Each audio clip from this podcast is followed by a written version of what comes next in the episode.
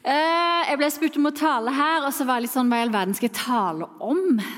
Eh, lenge siden vi har møtts sammen her i IMI. Men så tenkte jeg Jeg har kalt talen Om det er sant at Jesus lever, da prikk, prikk, prikk, prikk, prikk. Så det som jeg trenger, da, det er at vi her inne må liksom tenke sammen. Er det sant at Jesus lever? Og da tenker jeg, Hvis dere tror at det er sant at Jesus lever, da må dere rekke opp en hånd nå.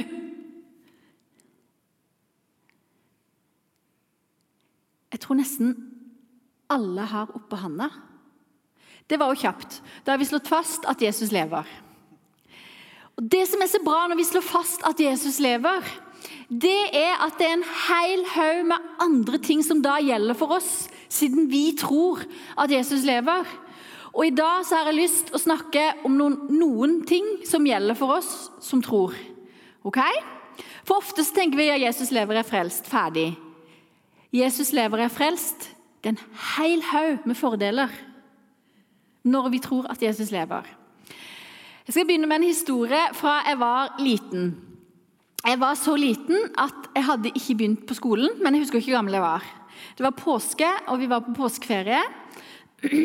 Og så hadde liksom Jesus dødd, og det hadde gått noen dager, og det var første påskedag, og Jesus hadde stått opp.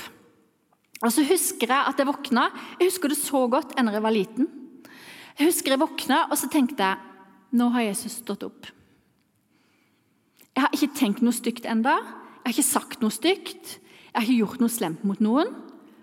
Akkurat nå jeg er helt rein, husker jeg tenkte. Og den følelsen jeg fikk Jeg ble jo ganske gira. Nå er jeg helt uten synd, for jeg har ikke rukket å gjort noe enda. For Jesus sto opp nå i dag morges, og jeg sover fram til nå. ikke sant? Så jeg ropte jo 'Mamma, pappa, dere må nødt å komme inn her'. Og de kommer inn, og de er jo litt sånn, Jeg pleide ikke å rope, ikke å rope sånn veldig at de måtte komme inn, men jeg sa dere må skynde dere. Så kom de inn på rommet, og så sa jeg 'Kan dere se det?' Og de var sånn 'Hva da?' 'Kan dere se det?' Nei Jeg er helt uten synd. Jeg har ikke rukket å gjort noe stygt, jeg har ikke sagt noe stygt. Ingenting. Akkurat nå er jeg helt uten synd. Og de var litt sånn Det er noe hun ikke har fått med seg. Det er et eller annet jeg ikke hadde fått med seg. Men den følelsen jeg hadde da, at jeg var helt ren og helt tilgitt og hadde gjort noe galt, den husker jeg enda, og det var helt fantastisk. Og Så forklarte mamma di da at eh, faktisk Gry, så er det sånn at du er tilgitt, og det gjelder for alltid. Eh, så jeg var egentlig veldig glad for at det jeg følte den morgenen, det kunne jeg føle hver dag. For den tilgivelsen gjaldt hver dag. Og så ble jeg jo utrolig glad på Jesus sine vegne, at han slapp å dø hver påske.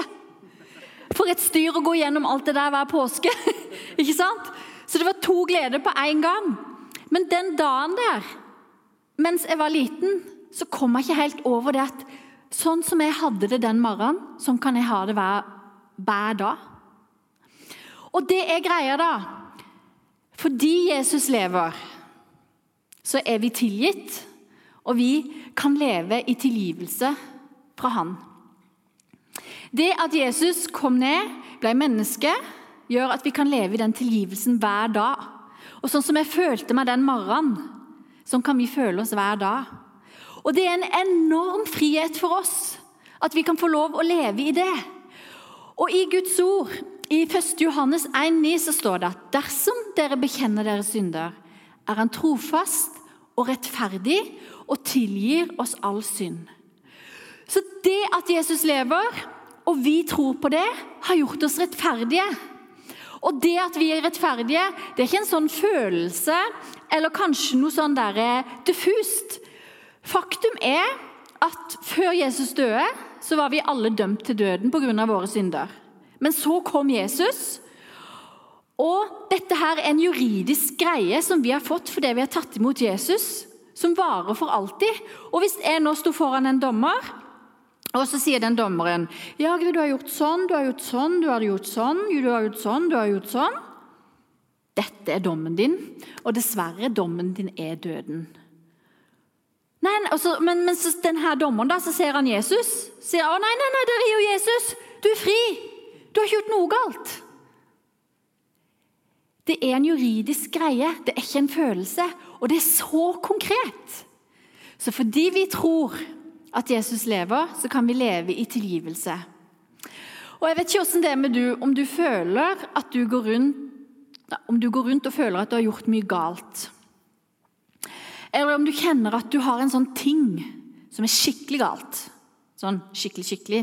Bare, det bare gnager, liksom. Eller om du går og kjenner på at 'jeg kan jo ikke være god nok for dette kristendomgreiene'. Jeg er ikke god nok. Og så har jeg lyst til å si at det at Jesus lever, gjør at du er tilgitt. Og hans tilgivelse er stor nok. Den rekker uansett synd. Og du kan motta den hver dag, mange ganger om dagen, så mange ganger du vil. Og sånn som jeg følte meg den første påske første påskedag. Sånn kan vi føle oss hver dag, for det har Jesus gjort. Og I Johannes 3, 16 så står det For så høyt elsker Gud verden, at han ga sin sønn den eneste, for at hver den som tror på han, skal ha evig liv. Og Jesus, han elska så høyt at han ville gå i døden for deg, for at du skulle få lov å leve i tilgivelse hver dag. Og Da er det lurt av oss å benytte oss av det. Og ikke gå rundt sånn og føle sånn at vi gjør så mye dumt at vi ikke passer inn. at vi ikke får det til. For det gjør vi ikke, og det visste Jesus. Men vi kan rette opp skuldrene og så kan vi juble over at vi er tilgitt. Så kan du gjøre sånn som jeg gjorde. Kom her og se! Kan dere se det? Jeg er tilgitt! Så glad burde vi vært hver dag. Du er ren, og du er hellig, og du er feilfri pga. Jesus' tilgivelse. Fordi du har tatt imot hans, er det din juridiske rett. Rett, det er rett, og det er ferdig, og det er gjort. Ok, Så det at Jesus lever, gjør at vi tilgitt. Dere har tatt den. Jeg har sagt det nok nå. ikke sant? Det er én ting til som jeg syns er så bra. Og det er det at eh, Jesus han har tegna deg i begge sine hender. Han ser deg, og han er der alltid, alltid, alltid. Og når Alexander spurte meg hva jeg skulle tale om, så sa jeg jeg vet ikke helt hva jeg skal tale om, men jeg skal ikke nevne korona, for det er dritlei. Så jeg skal prøve ikke nevne korona, men jeg skal f.eks. si i den tida vi lever i nå, kan jeg si. ikke sant? Hvor det å ikke kunne møtes blir ganske vanlig, så er ting ganske annerledes. Og Jeg snakka med masse ungdom eh, i denne tida. Og ei hun sa det. Vet du hva, Gry? Når korona Nei, jeg skal ikke si korona. Eh, når landet ble stengt ned 12. mars, da kjente jeg at det nesten var en gave til meg. Fordi jeg hadde så mye jeg holdt på med. Og jeg hadde så mange plikter som jeg følte jeg måtte. At det var en gave å bare kunne få lov å være hjemme og henge med noen få venner. Jeg har noen andre som har sagt at uh, det var utrolig godt å få en pust i bakken og bare på en måte finne seg sjøl litt på ny og hvem jeg vil være. Jeg har òg noen som har sagt det at uh, det at landet stengte ned, og at dette året ble som det ble, har gjort at de har måttet få en helt ny relasjon til Gud. For de har ikke kunnet løpe på gudstjenester, de har ikke kunnet løpe på festivaler eller på leirer eller noen ting. Så er det noen som har sagt ja, jeg måtte sette meg ned og lese. Jeg måtte be. Og jeg føler jeg har fått en dyp relasjon med Gud som holder uansett. Eh, og så har jeg òg møtt folk som bare sier at denne tida er helt pyton. Kan ikke vente til det er over. Mange føler seg veldig ensomme. Mange vil ha ting tilbake som de var. Noen sier troa mi. Jeg vet nesten ikke hva jeg tror på lenger. Gud er så fjern. Og Jeg snakker med folk som sier at det er vanskelig for meg det er vanskelig nok for meg å tro og følge Gud når jeg har punktene mine som join, som, som leir, som gudstjenester, som, som grupper. Og når dette er tatt vekk fra meg, så sliter jeg så med å tro. Og i dette her så har jeg en oppmuntring. Og det er at Gud blir aldri, aldri, aldri borte. Han er der nå like mye som før 12. mars 2020. Og I Bibelen, i Isaiah 49, i Gammeltestamentet, så står det i begge mine hender har jeg tegna deg. Og Det gjelder deg og deg og deg og deg. Når Gud ser på hendene sine, så ser han deg. Gud han er aldri fjern. Gud han er aldri langt borte, selv om det kan føles sånn. Jeg har følt det sånn mange ganger. Gud, hvor er du hen? Eller Gud, hva holder du på med? Eller Gud, jeg forstår deg ikke. Og jeg har til og med sagt Gud, dette gidder jeg ikke. Men Gud er aldri fjern og aldri langt borte. Og fakta er at når vi tror at Jesus lever, så har han tatt bolig i oss ved troen vår. Og så står det masse om i Efeserne. Gå hjem og les Efeserne 1 at vi er i Kristus. Og når Han har tatt bolig i oss, og vi er i Kristus, da er det jo umulig at han er langt borte. Vi kan føle at vi er langt fra han. Og så er det mange som sier men han er bare et steg unna. Men nei, nei, nei, han er ikke et steg unna. Han er rett der. Og det løftet hans til deg det er et løfte han har gitt deg, at han skal alltid være med, han skal alltid være nær. Hans nærvær er der alltid, selv om vi ikke kjenner det. Han vil hjelpe deg, han elsker deg, og han ser deg. Og han blir aldri langt borte. Og du kan gå så langt, langt vekk du vil. Men han er alltid nær. Men han lar du velge. Og Jeg har så lyst at det skal bli en oppmuntring til deg, at han er der og han vil hjelpe deg.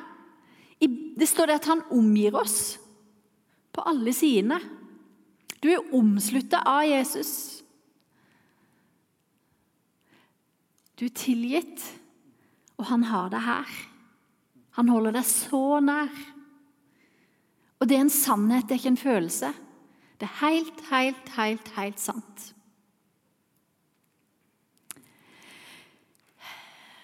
Det at Jesus lever, gjør at han kommer med håp i enhver situasjon. Jesus han kommer med sitt håp til deg. Og Jeg vet ikke om du har mista håpet. Jeg vet ikke om du er i situasjoner der du mangler håp, og jeg vet heller ikke hva du strever med. Men vi kan sette vår lit til Han som alltid kommer med håp. Og Det kan hende du allerede vet noen situasjoner nå der du bare trenger at Jesus kommer med håp. Og det er det jeg elsker med Jesus. At han er vårt håp. Og Jeg vet ikke om du av og til hører på nyheter, men det gjør jeg av og til. Og Da kan de si sånn Nei, det har vært et snøskred, men letemannskapene har ingen håp om å finne flere overlevende. Eller vi kan høre at det har skjedd en ulykke eller noe, og så kan de si ja, nå svinner håpet hen. Har dere hørt litt sånn? Og så vet vi som sitter hjemme foran skjermen, at når nyhetsreporteren eller politimannen eller eh, han som leder hele operasjonen, sier vi har ikke mer håp, da vet vi det er over og ut, ikke sant? Men med Jesus så er det alltid håp.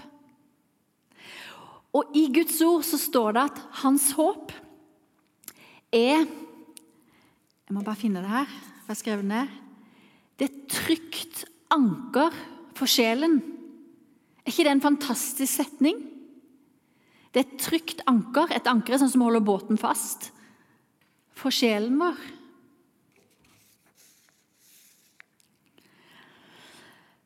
Og Det som er med Jesus, er at eh, vi skal slippe å sette håpet vårt til situasjonen vi står i. Men vi skal få lov å sette håpet vårt til Han som sier at alt er mulig. Og om det er alt håpet ute, så er ikke alt håp ute. For med Jesus så kan han skape noe nytt. Jesus han lager veier der ingen veier var. Når du setter din lit til Jesus, så er aldri alt håp ute. Men det er det beste du kan gjøre med livet ditt. Og jeg vet ikke hvor du trenger at Jesus fyller deg med håp. Det kan være sykdom, det kan være skole. Du bare mister håpet for å få dette til, til å gjennomføre. Det kan være venner. Du føler deg så ensom. Hadde jeg bare hatt én venn Jeg husker ett år på Akta hvor jeg fikk eh, ei jente som sa det. Jeg har bedt Gud i to år at jeg må bare få én venn. Og det er bønnen min i år òg. Jeg vil ha masse av Gud på akta, men jeg ber om å få én venn. Og så når det gikk mot slutten av året, så tok jeg til side og sa hva, hva gjorde du i går. Så sa hun nei, jeg var på kafé med den og den og den. og den. Så sa jeg så du har fått mer enn én venn? Vet du hva, Gry? Gud har svart meg på den bønnen så utover alt jeg kunne drømme om, sa hun. Jeg har fått så mange venner som er ordentlige venner. Hun satte sitt håp til Gud, som svarte på bønnen. Kanskje du har mista håp inni familien din, i møte med kjæreste. Og så vil jeg så gjerne si til deg i kveld at du kan regne med Jesus. Der du trenger hjelp, vil han komme med håp. Og så kan du stole på han. Han er, han er, han er så trygg å stole på. Du kan regne med han.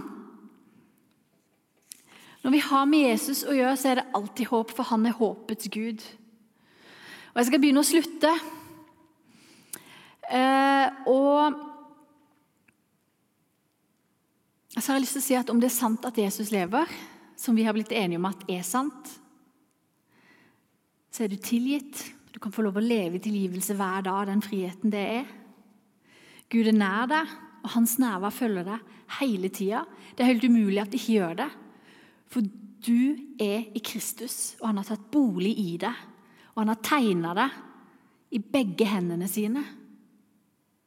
Og han har et håp for deg i alle livets situasjoner som alltid, alltid, alltid står fast. Og Jeg har lyst til at vi skal bare være litt stille, og så skal du få lov å bare be til Jesus der du sitter. I forhold til det du kjenner du trenger. Trenger du å leve i frihet med tilgivelse, så be bare Jesus kom og tilgi deg. Trenger du bare å vite at han alltid er med, og at hans nærvær følger deg, at du er hans, så be om det. Og Trenger du at Jesus kommer og er håpet inn i dine situasjoner, så be om det. Så skal vi bare være litt stille eh, mens du ber.